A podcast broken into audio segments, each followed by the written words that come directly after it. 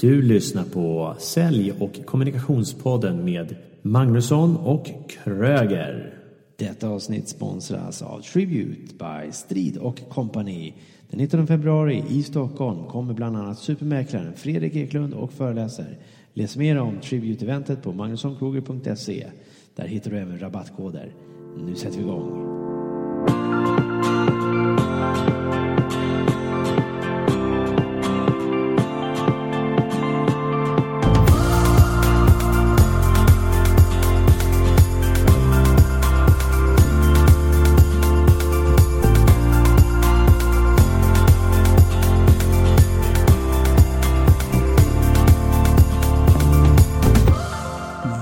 Välkomna till avsnitt 8. Och idag ska vi prata om inre hälsa och den inre kommunikationen. Och det är jag som är Mikael Kröger. Och det är jag som är Daniel Magnusson. Och idag har vi med oss en gäst. Författare, livscoach och föreläsare. Eva Wigenheim. Varmt välkommen till studion. Tack så jättemycket. Så Eva, vad är det här med inre hälsa och inre kommunikation för dig? Inre kommunikation det är den kommunikationen vi har mellan vår hjärna och vårt hjärta. Vi är ju ganska vana vid att titta utåt i världen. Ehm, på, på allting som vi har utåt. Vi har ju två ögon som tittar utåt. Och vi kommunicerar, det gör ju du hela tiden i ditt yrke som kommunikatör med eh, i företag, extern för, för, kommunikation med andra. Men den interna kommunikationen, det är ju den kommunikation jag har med mig själv. Samtalet in i mig, i mina mentala processer. Samtal med dig själv, interna processer. Mm. Vad, vad, vad menar du där med specifikt? Ja, vi går ju omkring med oss själva hela tiden. Eller hur? Och eh, vi har ju tankar, vi har, vi har ju känslor och hela vårt liv pågår ju inuti oss. Det är ju inte, det är ju inte, vi kan ju oftast inte påverka den världen vi har utanför oss själva så mycket, den här stressiga världen. Det enda jag kan påverka är ju hur jag hanterar det i mina, med mina tankar och mina känslor. Det kan jag ju faktiskt påverka till hundra procent. Och det menar jag med de inre processerna. Ja, det där är ju intressant tycker jag. Just att eh, du själv hanterar dem. Mm. Och vad är meditation? Ja, meditation det är ju att du, den, den, man kan översätta meditation med den mentala självkontrollens konst. Den kommer ju från den buddhistiska och hinduistiska traditionen. Och i Asien har du ju mediterat i tusentals år. Just för att fokusera på ditt inre liv dina tankar och dina känslor. Så att du lär dig att lyssna på eh, vem är jag och lär dig också hantera dina tankar och känslor. För det vi har gjort i vårt stressat samhälle, varför vi går in i väggen, varför vi blir psykiskt sjuka, det är att vi har prioriterat bort vila, avkoppling och återhämtning. Det får liksom inte plats i våran värld. Ehm, jag frågar ibland människor, stannar du upp någon gång och, och kopplar av tre, fyra, fem minuter? Och då säger folk aldrig. Och därför så använder man, kan man använda meditationen till att faktiskt göra en eh, quick fix återhämtning. I den meditationen som jag lär ut till, till näringslivet. Mm, just det, det enda stunderna de vilar det är när de somnar. Fast då jobbar vi hjärnan på ändå förmodligen. Så att... Ja förhoppningsvis så somnar de ju. Många som är stressade de somnar ju inte ens nej, idag. Nej. Av utmattning till slut. Klockan tre på natten och sen ja. vaknar klockan sex. Ja. Ja, vad har du för metod då, som du lär ut? Jag har gjort en egen, eh, egen metod kan man säga för att vi, har, vi är ju så stressade. Vi har ju liksom inte tid ens att koppla av. Och jag har gått i lära hos buddhistiska munkar både i Thailand och i Laos och även i Sverige. Eh, och eh, då har jag tagit en buddhistiska traditionens meditation och översatt den till västerländsk sätt. Så vi sitter på stolar, vi sitter liksom inte i lotusställning för då somnar ju våra ben och då det enda man tänker på det är att benen somnar helt värdelöst. Eh, utan eh, en andningsmeditation som man kan göra var som helst och när som helst. Och det räcker med fem minuter om dagen för att hjärnan ska förändra sina strukturer på ett positivt sätt. Och jag kallar den the power of en paus. Eva, från en idé att skapa ABBA-museet till att åka till munkarna i Laos och eh, meditera. Alltså det är ju rätt eh, stor bedrift och en eh, spännande resa. Berätta, hur började det? Hur började ABBA-museet? Mm, det är spännande. Jag arbetade, det här var år 2004, så jobbade jag som PR-konsult för Hotell Rival och Benny Andersson. Och eh, när man, hotellet hade varit öppnat ett år och som PR-konsult så är det min roll att få dit pressen igen och då måste man ju tillföra en nyhet för att få det. Och då satt jag i receptionen där och så tänkte jag så här, tänk om de sätter in ett par platåskor från ABBA här i receptionen. Då kom, skulle det komma jättemycket turister och journalister. Så då föreslog jag det för Benny och då sa han, nej det tycker jag inte. För han vill skilja sina olika verksamheter. Men sen växte den där idén hos mig. Eh, det, det, blev, det var det första fröet som sattes. Sen växte den där idén under två år. Tills eh, jag och min dåvarande man kom på att men det är ju inte ABBA som ska öppna ett... Eh, sen växte den till att bli ett ABBA-museum. Den här från skorna till ett ABBA-museum. Stockholm måste ju för sjutton ha ett ABBA-museum. Så från platåskor till ett ABBA-museum? Mm. Men, men hur får du Benny att gå med på att du och din före detta man ska starta ABBA-museum i Sverige? Jag är ju entreprenör. Jag är en entreprenörssjäl. Och jag har en förmåga att jag genomför det jag bestämmer mig för att jag ska göra. Om det brinner inuti. Nu är vi tillbaka på det här inre hjärtats röst. Så att um, vi kom på att uh, vi ska göra ett interaktivt upplevelsehus med ABBA som tema. Och det har inte funnits i världen tidigare. Det vill säga att få sjunga och dansa blir en del av historien. Och då presenterade vi den här idén för dem. Uh, och, um, och vilka är de som ni presenterar för? Ja, Björn, Benny, Agneta och Anne-Frid. Mm. Um, och efter två veckor så ringde de tillbaks och sa att ja, men vi tycker det här är en jättebra idé så kör. Och det här var 2006. Men jag blir nyfiken för de har ju blivit erbjudna otroligt mycket pengar för att ha någon form av reunion ABBA. Mm. Jag vet inte hur många miljoner och miljarder de har blivit erbjudna. Men hur lyckas du att få till det här så att du får vara en del av öppnandet av ABBA-museet? Ja, alltså du behöver ju ha en, en bra idé. De behöver känna att jag tror på den så pass att jag kan genomföra det här. Vi hade en sån övertygelse och dessutom var idén så fruktansvärt bra med ett interaktivt hus. De ville inte ha ett museum där man bara går och tittar i montrar. När vi kom med den här idén och sa att ja, men, publiken ska få sjunga, de ska få dansa, de ska få, få ta på grejer och så vidare. Då tyckte de att det var jätte, jättebra. Sen kan jag säga att jag var rätt envis. Rätt envis? Definiera rätt envis. jag tjatade på Benny i två år. så två års tjat? Två, om jag ska avslöja riktigt ordentligt så var det så efter de här två års tjaten så var jag ner hos honom i ett annat ärende och fikade och så på vägen ut så säger jag till honom, lägger min hand på hans axel så säger jag så här, Benny, du vet att när jag får öppna ett ABBA-museum då måste du säga till. Och då säger Benny, Eva, jag har hela vinden full med guldskivor, du kan ta dem. Då hade jag honom. och det var en skön kommentar du sa där, när du öppnar ett ABBA-museum, då vill jag vara med. Ja. Så du påtalade egentligen för hans hjärna, för din hjärna, att ni redan var på väg och hade ett ABBA-museum. Även om det inte var klart så, ja. så triggades ju ändå hjärnan av dem. Ja, men det är ganska roligt det du säger just om vi pratar om den här inre kommunikationen.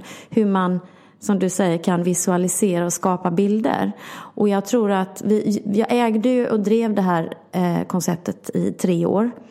Eh, och jag var ju inne och gick i, det skulle vara i Stora tullhuset från början, det hände ju massa saker sen. Jag var ju inne och gick i Stora tullhuset i den här utställningen i säkert två år.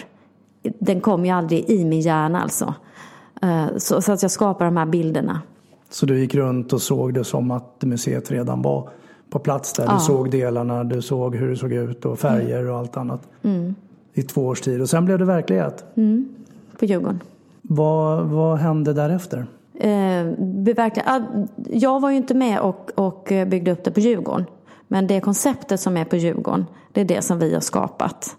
Eh, jag och min dåvarande man Ulf. Så det var ganska roligt när jag var där på premiären första gången. Vi hade ju sålt det då 2009 och det här öppnade 14 eller vad det var, jag kommer inte ihåg, 5, 14 kanske. Ehm, då visste vi ju ingenting om hur, hur ser ABBA-museet ut idag. Hur, hur ser de ut? Och när vi går ner i de här gångarna där nere. Jag vet inte om ni har varit där men man går ju ner en trappa. Då är det den utställningen som jag redan har varit i, i min hjärna. Under det, alltså jag ryser nu när jag tänker, men det var otroligt häftigt. Vad var det som gjorde att ni sålde? Jag tänkte det måste varit ganska högt tempo att jobba på och få till det här och många intressenter och mycket prat med människor. Vad gjorde att ni sålde? Ja, det var ju, det var ju enormt eh, stressande år. Det, det var, för vi skapade från ett vitt blad.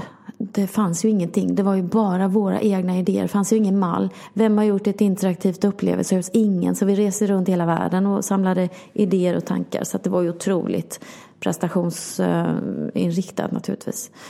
Och sen hände det saker som det gör ofta i stora projekt. Vi skulle öppna sommaren 2009 i juni och det skulle vara i Stora Tullhuset som ligger på Stadsgården där Fotografiska är idag. Och vi hade fått garantier för det. Vi hade sålt biljetter till 32 länder till invigningsdatum ett och ett halvt år före. Så vi var ju på G verkligen. Allting var klart för produktion, det vill säga börja spika. Och sommaren ett år innan så kommer Stockholms hamnar och säger bygget blir inte klart i tid. Saltsjön har åkt in i, i um, grunden, det har regnat in på taket, det är mer omfattande. Så att eh, invigningsdatum kan inte hållas. Projektet blir ett halvår till ett år försenat. Och ett, ett sånt här projekt som dittills inte hade haft några intäkter hade ju bara haft kostnader. Intäkter får man ju när man öppnar dörrarna. Eh, vi insåg ju att det här kommer ju inte gå. Och vi kan ju inte öppna i i november. Vem, vem, det är ju inte högsäsong här direkt, vi tappar en hel sommar. Det var den ena grejen. Den andra grejen var att Lehman Brothers gick åt skogen i USA vilket gjorde att världen kom in i en total kris. Hur, hur gärna du än vill att goda idéer ska flyga så styrs de ändå av pengar. Så vi kom till en återvändsgränd. Och då valde ni att sälja konceptet? Då, ja, vi gjorde om det till, ett, eh, till en vandringsutställning. Eh, som, en sån här som kan åka runt i världen. Och så sålde vi det då till fyra intressenter eh, i, ja, efter tre år. Ungefär. Så vi har dig att tacka för att eh, vi egentligen har ett ABBA-museum i Stockholm nu. Grunden och tjatet tillsammans med ABBA-medlemmarna så lyckas du och din dåvarande man att skapa ett koncept som ja. lever vidare. Ja, absolut. Det, det var ju min idé från början. Så att absolut. Vi har också Stora Tullhus, en, en utställningslokal i Stora Tullhuset som jag tror att det huset hade rivits för det var i så dåligt skick. Underbart! En entreprenör ger sig inte utan eh, vi jobbar på och vi sliter och vi får igenom idéerna. Jag blir nyfiken på det här, eh, jag menar du måste ha kört i 180 alla projekt, det har gått snabbt, det har varit mycket diskussioner och samtal. Till när ni har sålt, det här totala lugnet. Och vad händer med dig som människa? Ja, alltså det, det gick ju från 180 ena dagen till noll nästa dag. Ehm, och då insåg jag ju att, att eh, jag hade ju varit eh, ABBA, jag hade ju tänkt ABBA, drömt ABBA. ABBA var ju en del av mitt DNA under den tiden för det var tvunget till att vara på det sättet. Du kan inte åstadkomma det här om du inte ger allt och lite till. Så att eh, när vi hade sålt det, jag var ju ingen, jag tyckte inte att jag var någon. Det var ju inte bara så att jag skulle berätta det för mamma. Det gick ut pressrelease eh, runt hela världen. Vi hade ju, det här hade ju snurrat runt världen eh, flera gånger om. Um, jag hade tappat min, jag tänkte att jag kan ju aldrig mer hitta något projekt som är så här stort. Vad ska jag göra nu? Vad tycker andra om mig? Jag är ju misslyckad. Jag är värdelös. Jag, jag, det fanns liksom inga ord för hur dåligt jag tyckte själv. För jag går i mål. Jag är en, jag är en tjej som går i mål. Ja, då är vi inne helt, helt plötsligt på självkänslan väldigt mycket här då. Ja. Och självförtroendet också. Ja. Till viss del kan jag tänka mig. Ja. Vad, vad hände då, då? Hur tog du dig ur det här? Vad var lösningen för dig? Jag var ju prestationsinriktad naturligtvis och, och när, jag, när det inte fanns längre då visste jag ju inte jag tittade mig i spegeln och undrade vem är du? Jag visste inte vem jag var. Jag hade tappat bort mig själv på vägen. Jag hade inte lyssnat på mig själv, jag hade inte lyssnat på mina behov som människa. Prestationen, det är lätt som en plätt, det kan jag köra på hur mycket som helst. Men vem är Eva då? Då kände jag, jag vill inte må så här dåligt, för jag mådde jättedåligt. Och jag, jag, vill, jag måste hitta tillbaka till mig själv. Så jag gjorde tre saker. Jag skilde mig, jag flyttade tillbaka till Stockholm och sen reste jag till Laos. Och vad hände i Laos då? Jag kände så här att jag, jag vill göra kontroll allt. Och det kan inte jag göra här. Eller mitt sätt, nu ska jag säga, alla behöver inte göra så här som jag gör. Men mitt sätt var att resa iväg. Jag ville göra något jag aldrig hade gjort. Jag ville resa själv.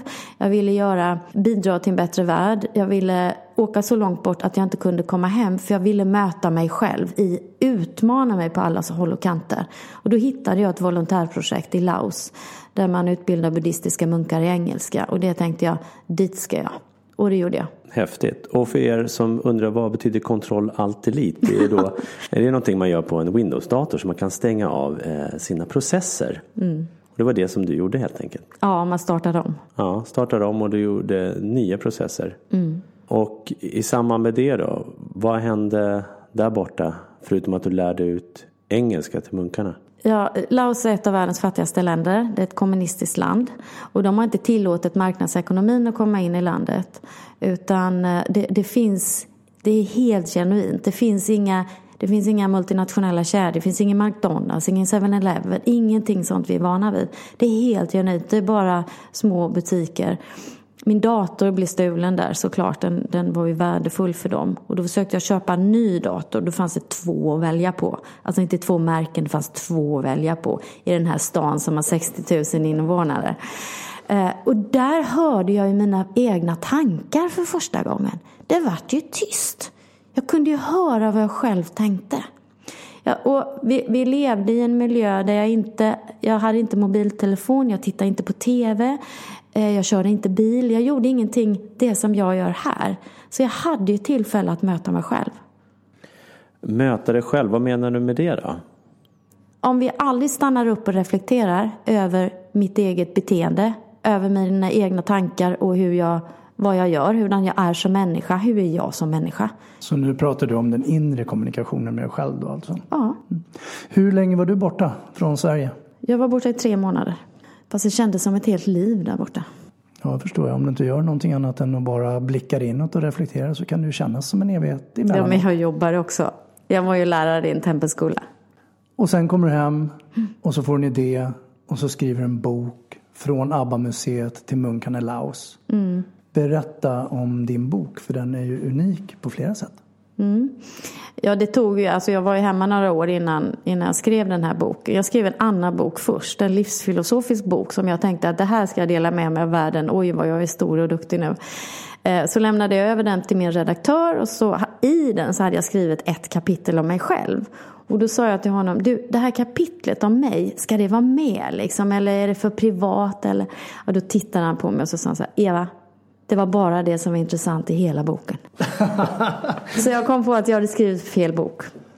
Så efter det så lyckades du skriva världens första pop-up-bok? Ja, det kan man säga. Nej, men då skrev jag om min livsresa. Från, den heter Från ABBA till munkarna i Laos och den kom i november nu så den är alldeles ny. Och den börjar, eh, första kapitlet börjar när jag sitter i receptionen på, ABBA, eller på Hotell Rival eh, och kommer på den här idén. Och sen så är det från hela, hela, under hela hur vi byggde upp ABBA-museet som är jättespännande. Det är ju nutida pophistoria, det är nutida Stockholmshistoria. Och sen får man följa med, det är ju en yttre resa, sen den inre resan till Laos. Och sen så tillbaks till Stockholm. Och som Kröger sa här så är det en pop-up-bok. Mm. För den har ju en väldigt häftig funktion den här boken. Förutom att du kan öppna den och bläddra och läsa. Mm. Ja, alltså det är ju en vanlig pappersbok som, man, som ser ut som en vanlig. Men som jag sa från början så det Björn och Benny triggade på det var att vi gjorde en interaktivt upplevelsehus med ABBA. ABBA som te tema. Mm. Nu tänkte jag att nu tar jag de idéerna in i pappersboken också. Jag måste göra någonting roligt av det här. Så att jag har gjort en app till den här boken som heter samma sak som man kan ladda ner på, på ja, som vanligt, vad heter de? App Store. App Store och, Google ja. Play. Ja. Och när man öppnar den appen och riktar mobilkameran mot omslaget på boken, man måste ha boken, då kommer jag upp i 3D på omslaget och gör en författarberättelse. Ja, häftigt. Ja, och sen inne i boken så finns det små rutor, så gör man samma sak där, mobilkameran mot rutan, så kommer det filmer i din telefon. Du ser alltså bakgrunden på boken plus den här filmen i din telefon. Jag vet inte hur man ska förklara men jag har ju testat det och det var ju riktigt häftigt. Jag har aldrig varit med om något liknande Nej. innan. Så att det var bara grattis till att hitta på någon helt ny sak.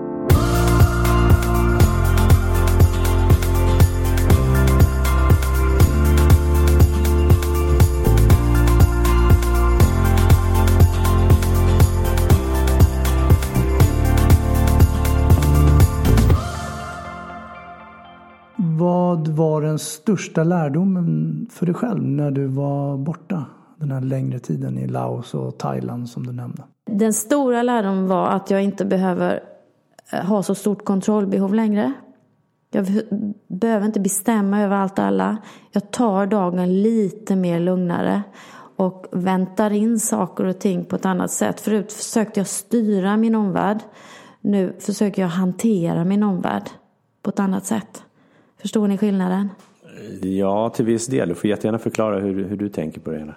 Men vi, vi tar den enklaste i familjen till exempel. Jag kanske försöker hela tiden förändra min man, att han ska passa in i min mall. Han ska vara så som jag tycker att han ska vara. Såklart. Ja, såklart. Eller du gör kanske det med din fru. Nej, tvärtom. Nej, ja just det. Hon gör.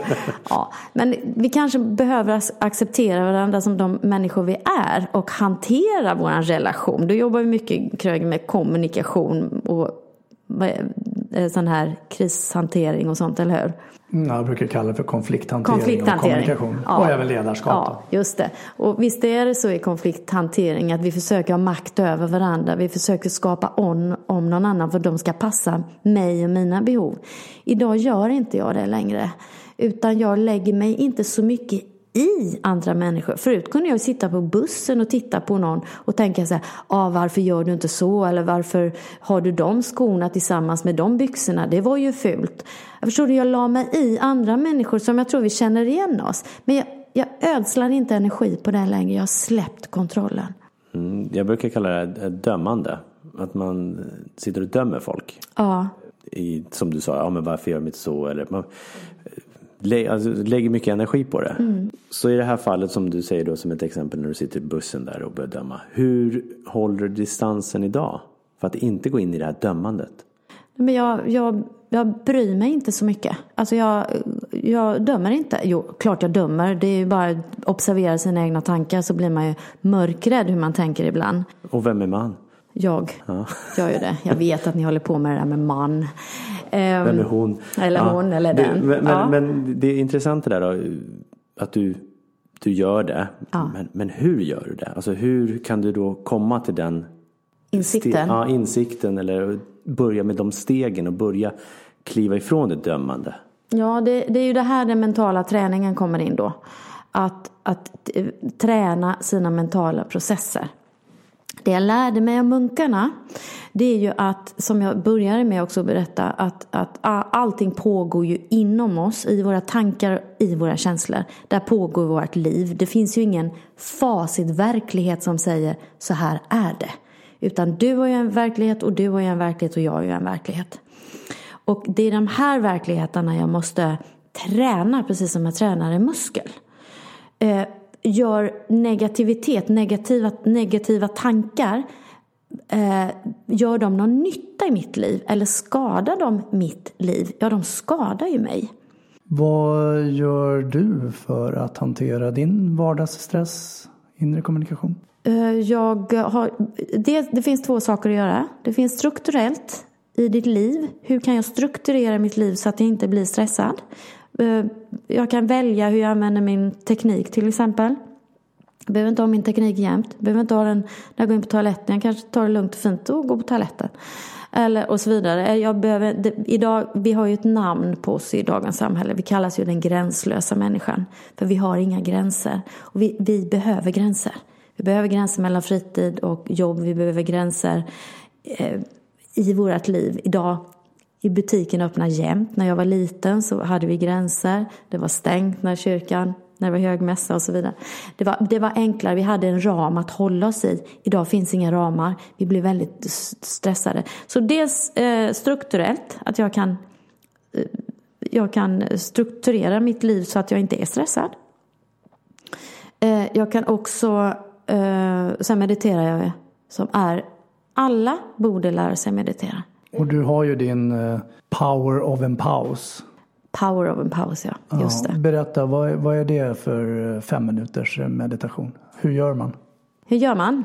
Eh, ja, det, den är ju baserad på den buddhistiska traditionen för att meditationen kommer därifrån i Asien, hinduismen, buddhismen och så vidare. Så det är samma sätt att du blundar och riktar dig mot ditt inre liv. Och enklast om man ska förklara så sitter man på en stol eller en fåtölj.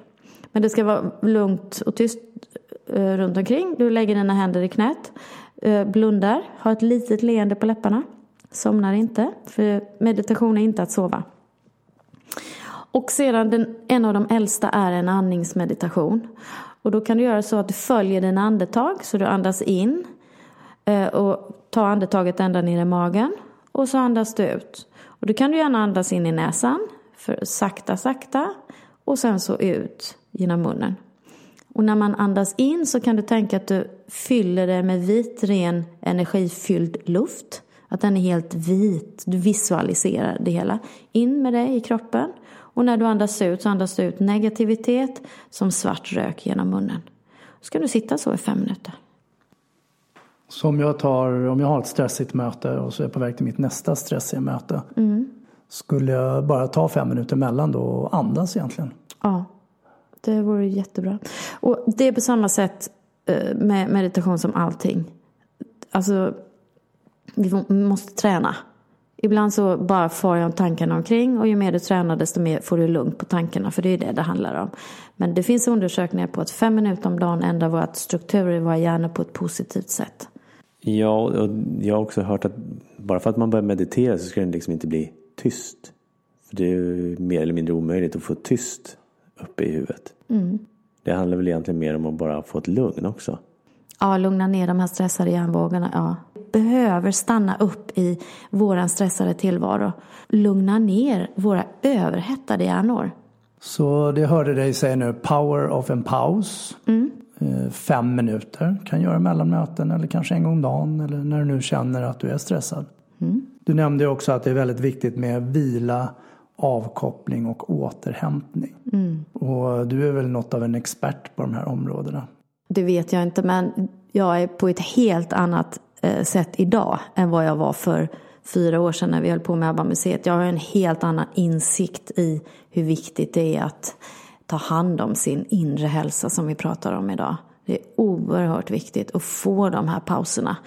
Och det är ju när, vi, när vi gör en meditation till exempel, som du sa, så det är ju inte så att hjärnan är overksam, utan den bearbetar alla de här intrycken eh, som vi har gått igenom.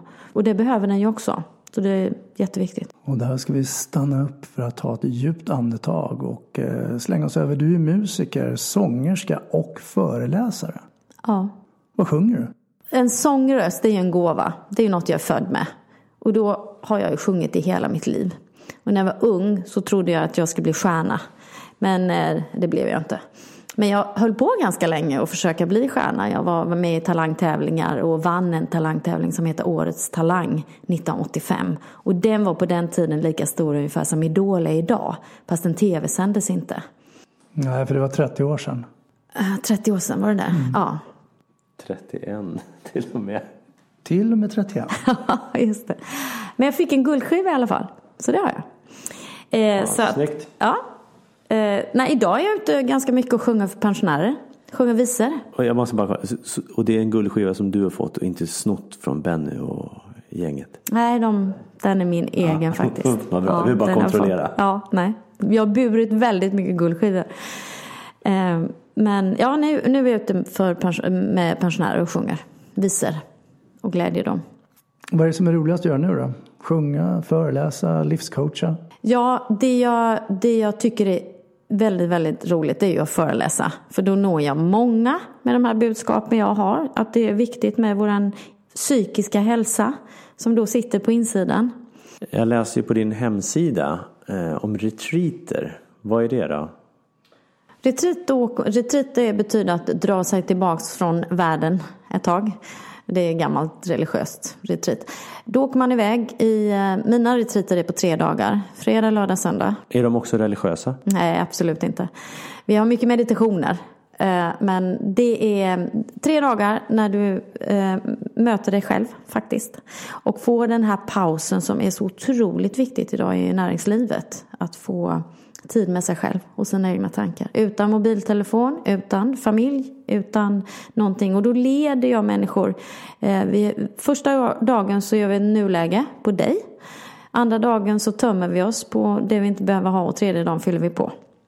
Ja, det här stod det ju till och med om i Dagens Industri här för ett tag sedan. Ja, det, det stod det. Det var två uppslag hur, hur viktigt det är. Eller näringslivet står på kö idag för att åka på retreater. För just att eh, få den här pausen eftersom man lever i ett sånt otroligt stressigt jobb, de flesta.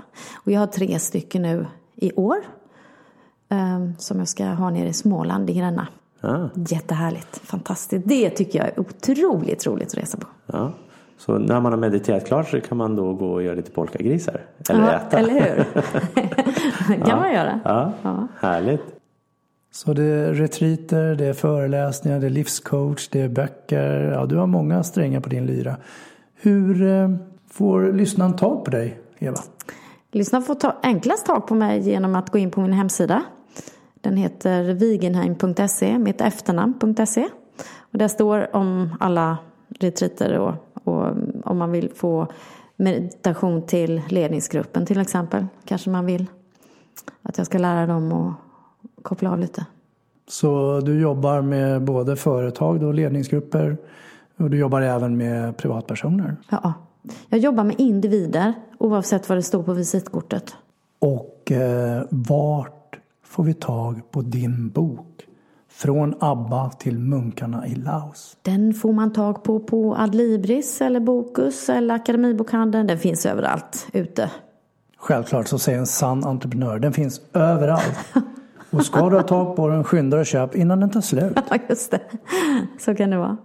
Så om du ska ge ett tips, bara ett tips till lyssnarna som du vill att de ska ta med sig från idag. Vad skulle det vara? För att bli sann mot sig själv och vara där du ska vara i livet.